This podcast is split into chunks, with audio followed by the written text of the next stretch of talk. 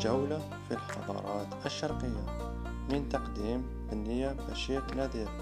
سنتناول في الحصة القادمة موضوعا مهما وهو علاقة بلاد الرافدين بالشعوب المجاورة لها وبالتحديد في حدودها الغربية وهم الشعوب السامية.